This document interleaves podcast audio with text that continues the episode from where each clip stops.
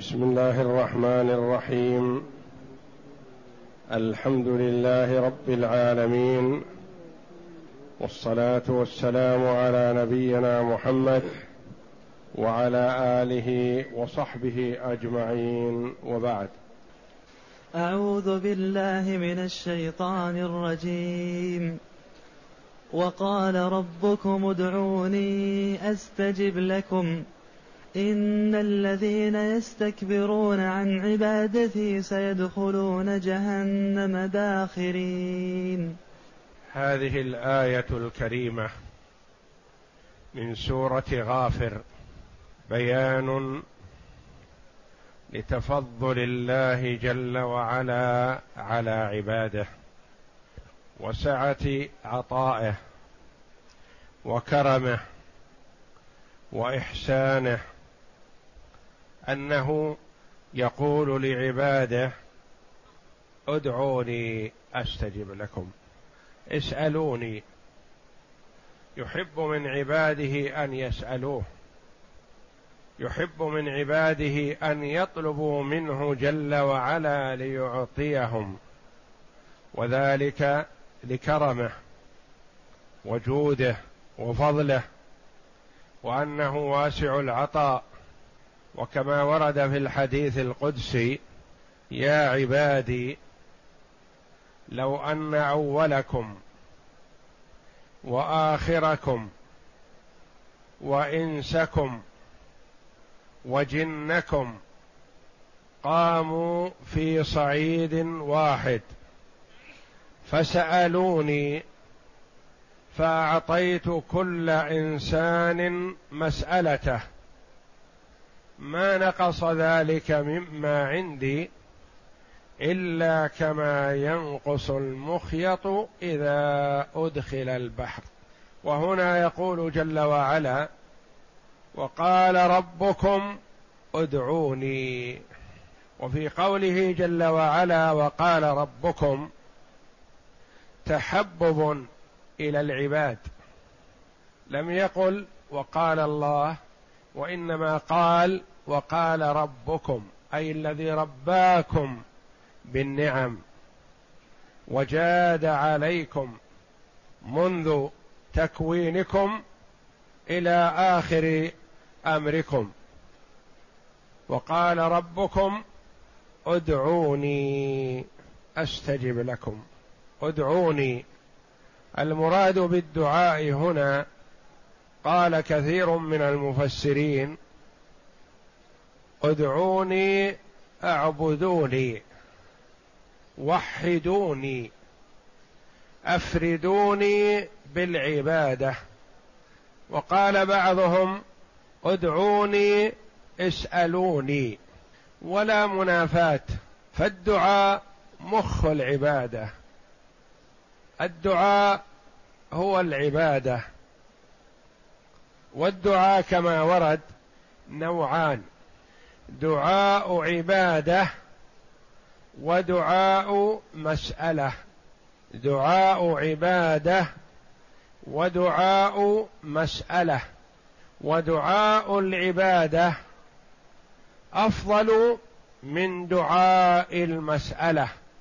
دعاء العبادة الصلاة والصيام والزكاة والحج وبر الوالدين وصلة الأرحام والإحسان إلى الفقراء والمساكين وطلب العلم وتعليمه ونشره والدعوة إليه وقراءة القرآن وقيام الليل والطواف بالبيت والذكر التسبيح والتحميد والتهليل والثناء على الله جل وعلا بما هو أهله. هذا وغيره من أنواع العبادة هو دعاء العبادة. إذا جلس يقرأ القرآن أو جلس يذكر الله أو جلس يطلب العلم فهو في حال دعاء وعبادة. إذا طاف بالبيت فهو في حال دعاء عبادة. إذا أكثر من ذكر الله جل وعلا فهو في حال دعاء عبادة. من اشتغل بذكري عن مسألتي أعطيته أفضل ما أعطي السائلين. لأن الله جل وعلا يعلم ما في قلب العبد وما يحب وما يريد فيهيئ له من أمره رشدا. يوفقه لما يحب وإن لم يسأل ذلك إذا اشتغل بدعاء العبادة. ودعاء المسألة سؤال الله المغفرة والرحمة والعتق من النار ودخول الجنة والرزق الحلال في الدنيا والزوجة الصالحة في الدنيا وغير ذلك مما يحب العبد لدنياه وآخرته. حتى قال بعض السلف إني لأسأل الله حتى الملح لأهلي. فيسأل العبد ربه ما أحب من خيري الدنيا والآخرة؟ والدعاء والسؤال الله هو عبادة كذلك. لأنه إذعان وتذلل وخضوع لله جل وعلا. فهما متلازمان. إذا دعا دعاء عباده فهو بمثابة من يسأل الطلب لأن الله جل وعلا يعلم ما في نفسه فيعطيه مطلبه وإن لم ينطق به. وإذا سأل الله جل وعلا وتضرع إليه فقد عبد الله وتذلل بين يدي الله جل وعلا فهما شيء واحد كل واحد متضمن للآخر المهم التوجه إلى الله جل وعلا بإخلاص. لأنه بدون الإخلاص لا ينفع كما قال الله جل وعلا وقدمنا إلى ما عملوا من عمل فجعلناه هباء منثورا. لا قيمة له. فإذا عمل المرء العمل ظاهره الصلاح لكنه لم يخلصه لله رياء وسمعة ومحبة للمدح والثناء والذكر عند الناس. هذا حظه في الدنيا ولا نصيب له في الآخرة. وقال ربكم ادعوني وحدوني اعبدوني توجهوا إلي أو اسألوني. أستجب لكم. أمر من الله جل وعلا بالسؤال والدعاء والعبادة ووعد بالإجابة. والله جل وعلا لا يخلف الميعاد. فهو جل وعلا يعطي ويفي بما وعد جل وعلا. فأمر بالدعاء ووعد جل وعلا بالإجابة. والإجابة لها شروط.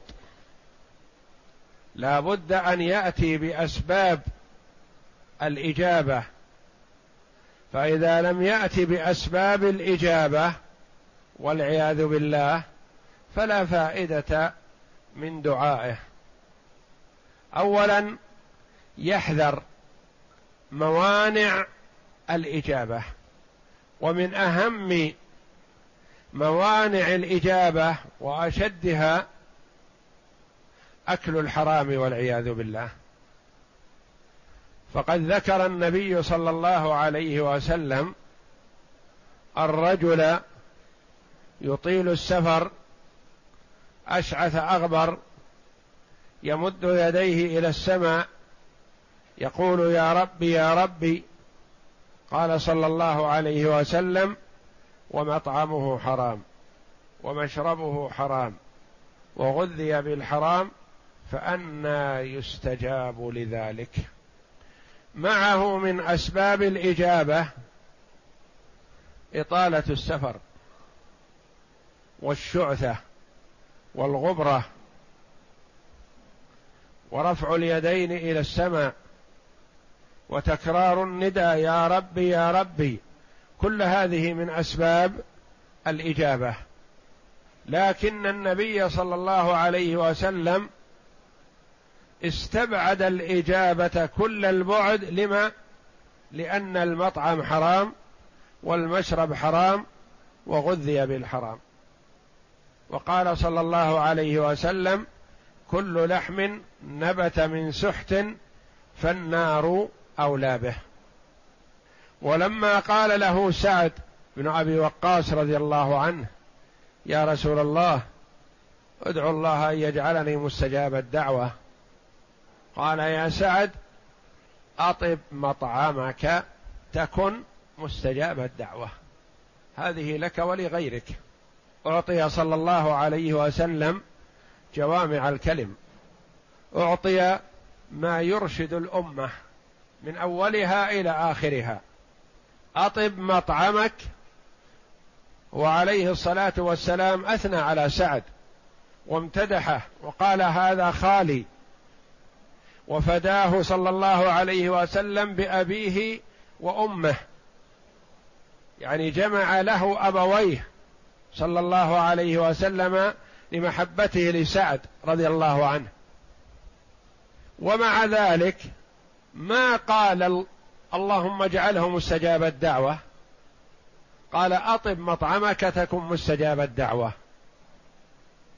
وكان مشهور بين الصحابة رضي الله عنهم أجمعين بإجابة الدعوة أنه مستجاب الدعوة لأنه امتثل ما قال له النبي صلى الله عليه وسلم. أطب مطعمك تكن مستجاب الدعوة. فأكل الحرام من موانع إجابة الدعاء والا يدعو بإثم أو قطيعة رحم فلا يستجاب له. إذا دعا على من لا يستحق الدعوة إذا دعا عليه ما استجيب له لأنها إثم. أو دعا بقطيعة رحم ما استجيب له.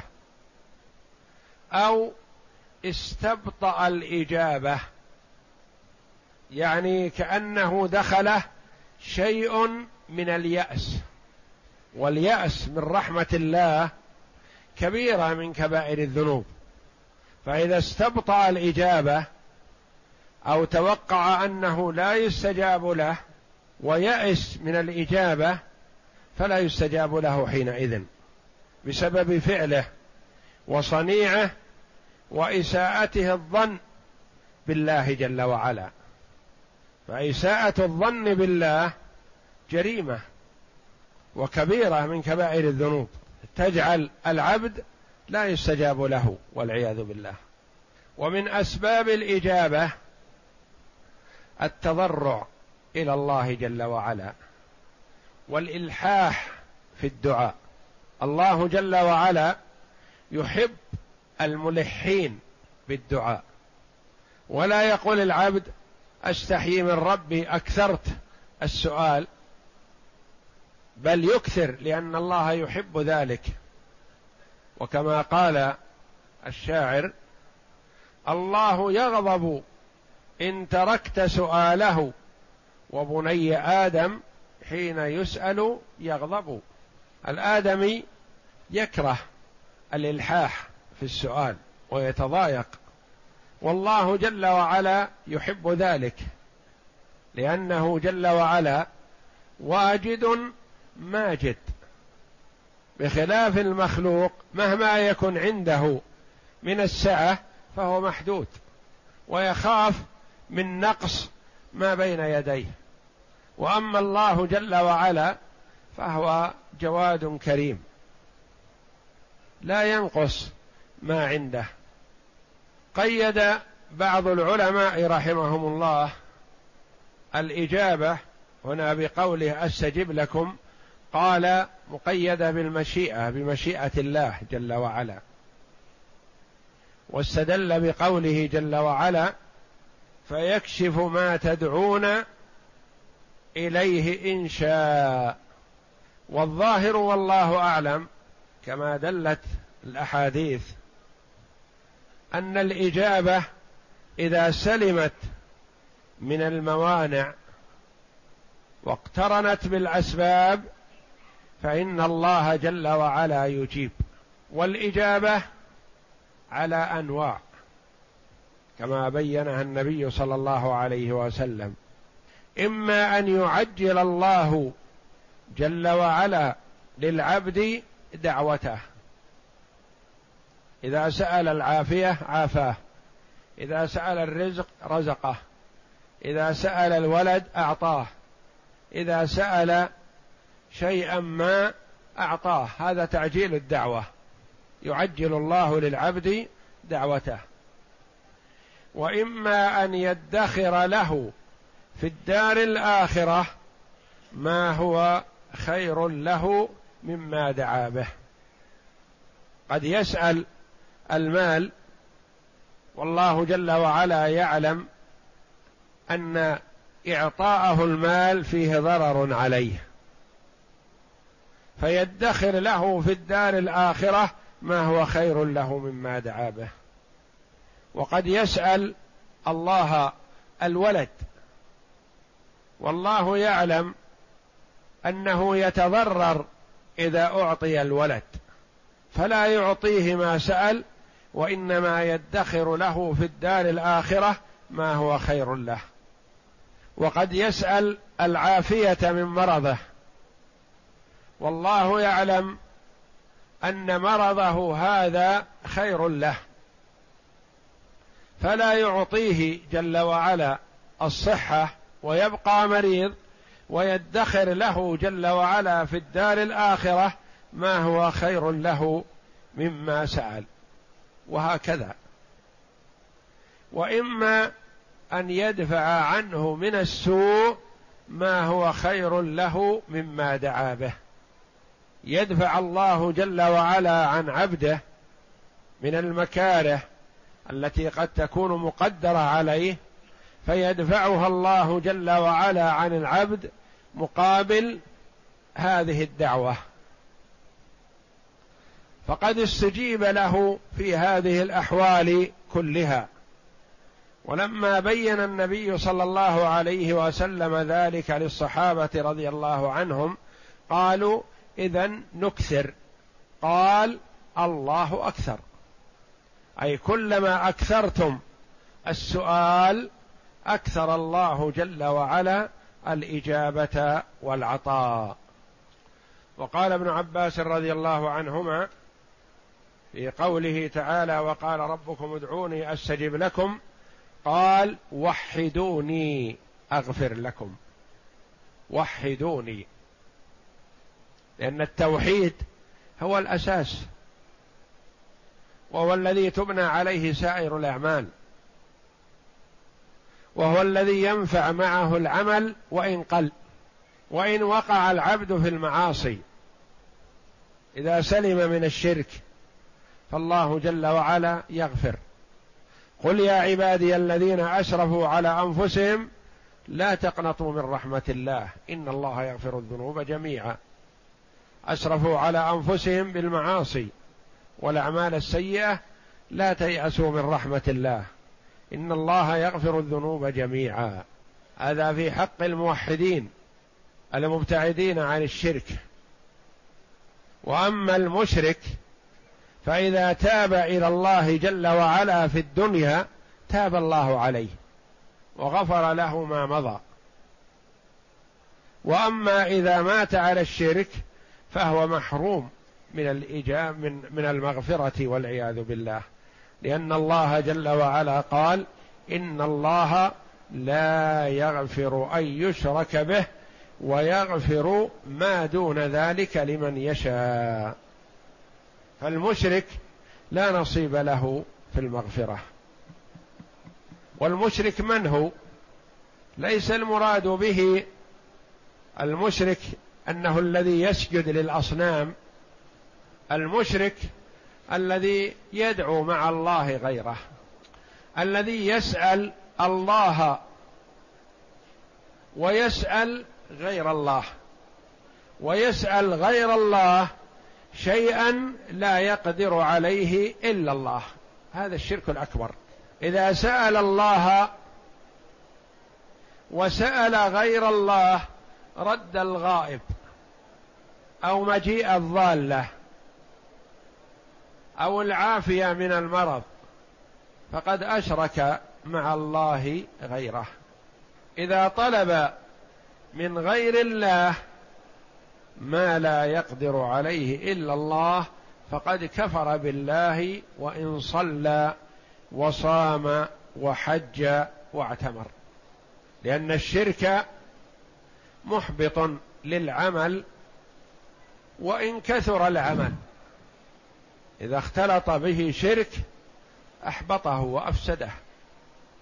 لأن الله جل وعلا يقول لأكرم خلقه محمد صلى الله عليه وسلم ولقد أوحي إليك وإلى الذين من قبلك لئن أشركت ليحبطن عملك.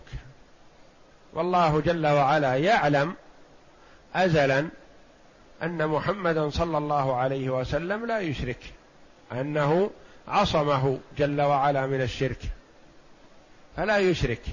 ولكن الله جل وعلا يعلم العباد ويعطيهم الدروس المفيدة النافعة. فما يقال فلان ذو مكانة وذو منزلة عالية.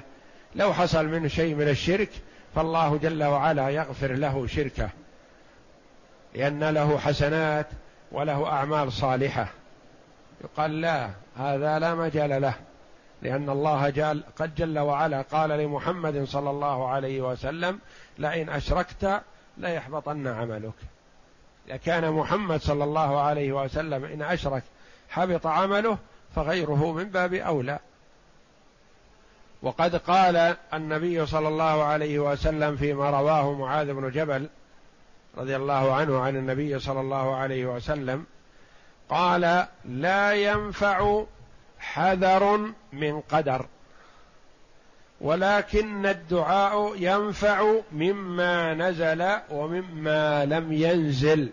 فعليكم بالدعاء.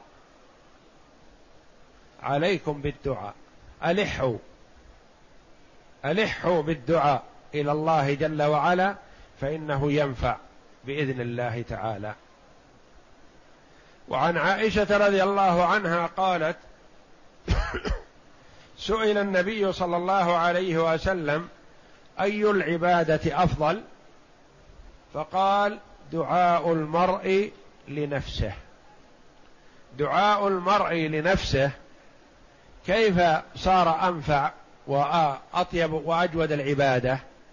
لأنه إظهار للعبد من العبد التذلل والخضوع والحاجة إلى الله جل وعلا. فهذا من أفضل العبادة. إذا تذلل العبد لربه وخضع واستكان بين يديه وسأل ربه كل ما يحتاج فقد عبد الله جل وعلا. وإذا سأل الله وسأل غيره فقد كفر بالله لأنه ما اعتمد على سؤال الله وما استغنى بذلك وما كفاه. وقال ربكم ادعوني أستجب لكم أقبل دعاءكم. إن كان دعاء عبادة يقبله الله جل وعلا ويثيب عليه ويعطي العبد ما في نفسه. وإن كان دعاء مسألة فكذلك يستجيب الله جل وعلا لعبده ويعطيه ما هو خير له. قد يعجل الله له دعوته وقد يدخرها له في الدار الآخرة وقد يدفع عنه من السوء آلاه الله. ثم قال جل وعلا إن الذين يستكبرون عن عبادتي سيدخلون جهنم داخرين. من آخر الآية استدل العلماء رحمهم الله على أن المراد بالدعاء الأول دعاء العبادة. لأنه قال إن الذين يستكبرون يتكبرون عن عبادتي ولم يقل عن دعائي أو سؤالي قال عن عبادتي. فدل على أن المراد الأول هو دعاء العبادة والله أعلم. وكلاهما نافع ومفيد. اقرأ. بسم الله الرحمن الرحيم. هذا من فضله تبارك وتعالى وكرمه أنه ندب عبادته إلى أنه ندب عباده إلى دعائه وتكفل لهم بالإجابة كما كان سفيان الثوري يقول يا من أحب عباده يا من أحب عباده إليه من سأله فأكثر سؤاله. يعني أحب العباد إلى الله من يكثر سؤال الله بعكس المخلوق. فالمخلوق لا يحب من يكثر سؤاله. لأن الله جل وعلا جواد كريم. نعم. ويا من أبغض عباده إليه من لم يسأله وليس لأن من من لم يسأل الله ما عبد الله وهو أبغض العباد إلى الله. لأنك لا يصح أن تقول أنا أوفر ما عند ربي فلا أسأل ربي. لا. أنت تعبد ربك بسؤالك إياه. نعم. وليس كذلك غيرك يا رب. يعني لا يوجد من يتصف بهذه الصفة غير الله جل وعلا. الله جل وعلا يحب الذي يسأله ويبغض الذي لا يسأله. وأحبهم إلى الله أكثرهم له سؤال. والنبي صلى الله عليه وسلم أكثر الناس عبادة لله وسؤالا له وطلبا وإلحاحا بالمغفرة. وأما الناس وما سوى الله فهم يحبون الذي لا يسأل ويكرهون من يسألهم. وفي هذا المعنى يقول الشاعر الله يغضب إن تركت سؤاله وبني آدم حين يسأل يغضب. وقال قتادة قال كعب الأحبار أعطيت هذه الأمة ثلاثا لم تعطهن أمة قبلهم إلا نبي. يعني ما أعطيت هذه المسائل الثلاث إلا الأنبياء. فالله جل وعلا جعل هذه الأمة وخاصة خيارهم مثل الأنبياء. أعطاهم ما أعطى الأنبياء صلوات الله وسلامه عليهم. فضل من الله جل وعلا على هذه الأمة لكرامة نبيها محمد صلى الله عليه وسلم على الله. نعم. كان إذا أرسل الله نبيا قيل له أنت شاهد على أمتك. وجعل يعني الشهادة في الأنبياء والأمم السابقة من الشهداء؟ الشاهد النبي يشهد على أمته. نعم. وجعلتكم شهداء على الناس. وجعل الله أمة محمد صلى الله عليه وسلم شهداء على الناس. فهم مثل ما أعطى الأنبياء السابقين. نعم. وكان يقال له ليس عليك في الدين من حرج. يقال للنبي إذا بعثه الله إلى أمة ليس عليك في الدين من حرج يعني لا حرج عليك. نعم. وقال لهذه الأمة وما جعل عليكم في الدين من حرج مثلها مثل النبي. قال جل وعلا لهذه الأمة وما جعل عليكم في الدين من حرج ملة أبيكم إبراهيم هو سماكم المسلمين من قبل نعم. وكان يقال له ادعني أستجب لك. وقال لهذه الأمة ادعوني أستجب لكم. وقال الله للأنبياء السابقين يقول للنبي إذا بعث ادعني أستجب لك. وقال الله جل وعلا لهذه الأمة ادعوني أستجب لكم. فالله جل وعلا أعطى هذه الأمة ثلاثة خلال ثلاث صفات ما أعطاهن أمة من الأمم وإنما أعطاهن الأنبياء.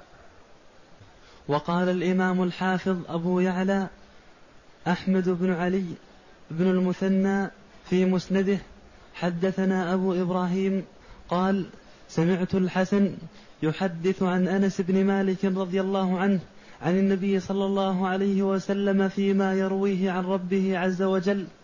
قال أربع خصال واحدة منهن لي وواحدة لك وواحدة فيما بيني وبينك وواحدة فيما بينك وبين عبادي.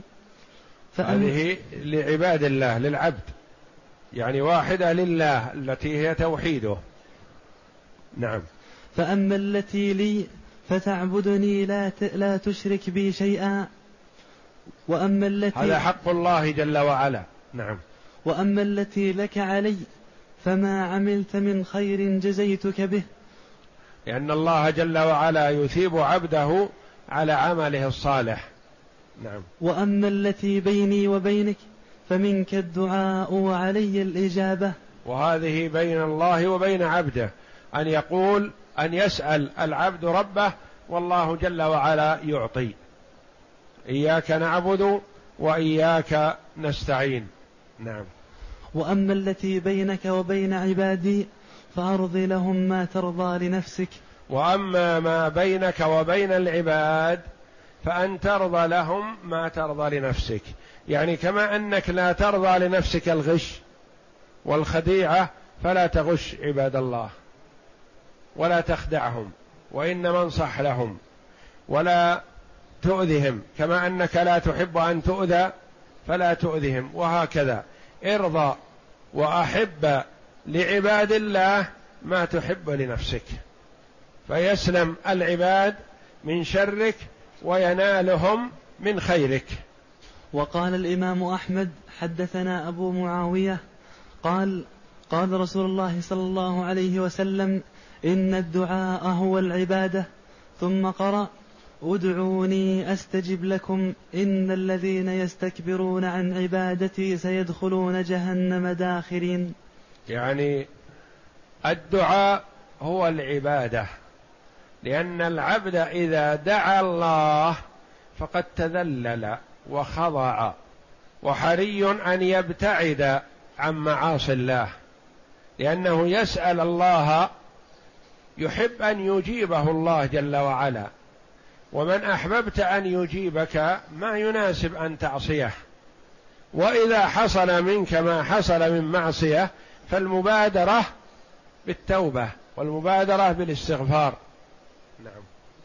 وهكذا رواه أصحاب السنن الترمذي والنسائي وابن ماجه وابن حاتم وابن جرير كلهم من حديث الأعمش به وقال الترمذي حسن صحيح. إن الذين يستكبرون عن عبادتي سيدخلون جهنم داخرين. إن الذين يستكبرون يعني يتكبرون عن عبادة الله. فمن لم يوحد الله فقد تكبر وتعاظم في نفسه وهو ذليل حقير. ويظهر ذله في الدار الآخرة حينما يحشر المتكبرون أمثال الذر يطعهم الناس بأقدامهم جزاء لتكبرهم على عباد الله. إن الذين يستكبرون عن عبادتي سيدخلون فيها قراءتان سيدخلون قراءة الجمهور سيدخلون جهنم. وقراءة أخرى سبعية من القراءات السبع سيدخلون الأولى يدخلون بفتح الياء وضم الخاء. يدخلون. والثانية بعكسها ضم الياء وفتح الخاء. يدخلون سيدخلون جهنم والمراد بها النار. داخرين يعني حقيرين ذليلين. لأنهم تكبروا عن عبادة الله فعاقبهم الله جل وعلا بالنار مع الذلة والمهانة والاحتقار. فحري بالعبد ما دام أن الله جل وعلا يأمر عباده أن يسألوه أن يلحوا عليه أن يلحوا عليه بالدعاء والتضرع ويكثروا ويكثروا من أنواع العبادة فهي من أسباب الإجابة لما طلب العبد. يلح على الله بالدعاء فالله جل وعلا يحب ذلك. ويقول جل وعلا في الآية الأخرى وإذا سألك عبادي عني فإني قريب أجيب دعوة الداع إذا دعان. فليستجيبوا لي وليؤمنوا بي لعلهم يرشدون. فلا أجهل ولا أضل ولا أعمى ممن يدعو فلانا أو علانا من الناس الميت في قبره من مئات السنين ويترك الله جل وعلا فلا يسأله وهو يقول وإذا سألك عبادي عني فإني قريب. قريب. تترك القريب الذي يأمرك بسؤاله ليعطيك وهو قادر. وتسأل الميت أو الصنم أو الضريح أو من يزعم أنه ولي. حتى وإن كان ولي وإن كان رجل صالح وإن كان تقي فلا يسأل. ليس له حظ من السؤال. لأنه هو فقير إلى الله. كل مخلوق فقير إلى الله. والأنبياء والصالحون كلهم فقراء إلى الله جل وعلا. هم يسألون الله. فكيف يسألون؟ ووعد جل توعد جل وعلا من أعرض عن دعائه ومسألته وتكبر عن ذلك بنار جهنم والعياذ بالله والذلة والحقارة والمهانة في الدار الآخرة. وقوله تعالى إن الذين يستكبرون عن عبادتي أي عن دعائي وتوعيد وتوحيدي سيدخلون جهنم داخرين أي صاغرين حقيرين. كما قال الإمام أحمد حدثنا يحيى بن سعيد عن النبي صلى الله عليه وسلم قال يحشر المتكبرون يوم القيامة أمثال الذر في صور الناس يعلوهم كل شيء من الصغار حتى يدخلوا سجنا في جهنم يقال له بولس. تعلوهم نار الأنيار يسقون من طينة الخبال عصارة أهل النار. وقال ابن أبي حاتم حدثنا علي بن الحسين حدثنا أبو بكر بن محمد بن يزيد عن أبي هريرة عن عن وهيب حدثني رجل قال كنت أسير ذات يوم في أرض الروم فسمعت هاتفا من فوق رأس جبل وهو يقول يا رب عجبت لمن عرفك كيف يرجو احدا غيرك؟ يا رب لأنه لا يليق بالعاقل. الذي عرف الله أن يسأل غير الله. اسأل الله جل وعلا. فهو القادر على كل شيء. نعم. وقلوب العباد بين أصبعين من أصابع الرحمن. نعم. يا رب عجبت لمن عرفك كيف يطلب حوائجه إلى أحد غيرك. قال ثم ذهب ثم ذهبت ثم جاءت الطامة الكبرى. قال ثم عاد الثانية فقال يا رب عجبت لمن عرفك كيف يتعرض لشيء من سخطك يرضى يرضي غيرك. يعني كيف إن العبد إذا عرف الله جل وعلا أن يعصي الله لأن من عصى الله فهو لم يعرف ربه حقيقة لأن الله جل وعلا لا يستحق أن يعصى. نعم. قال فناديته أجني أم أنت أم إنسي؟ قال بل انسي اشغل نفسك بما يعنيك عما لا يعنيك. كما قال بعض السلف كل من عصى الله فهو جاهل لأنه لولا جهله بحق الله جل وعلا ما عصى الله. فمقل من هذا ومستكثر. والله أعلم وصلى الله وسلم وبارك على عبده ورسول نبينا محمد. وعلى آله وصحبه أجمعين.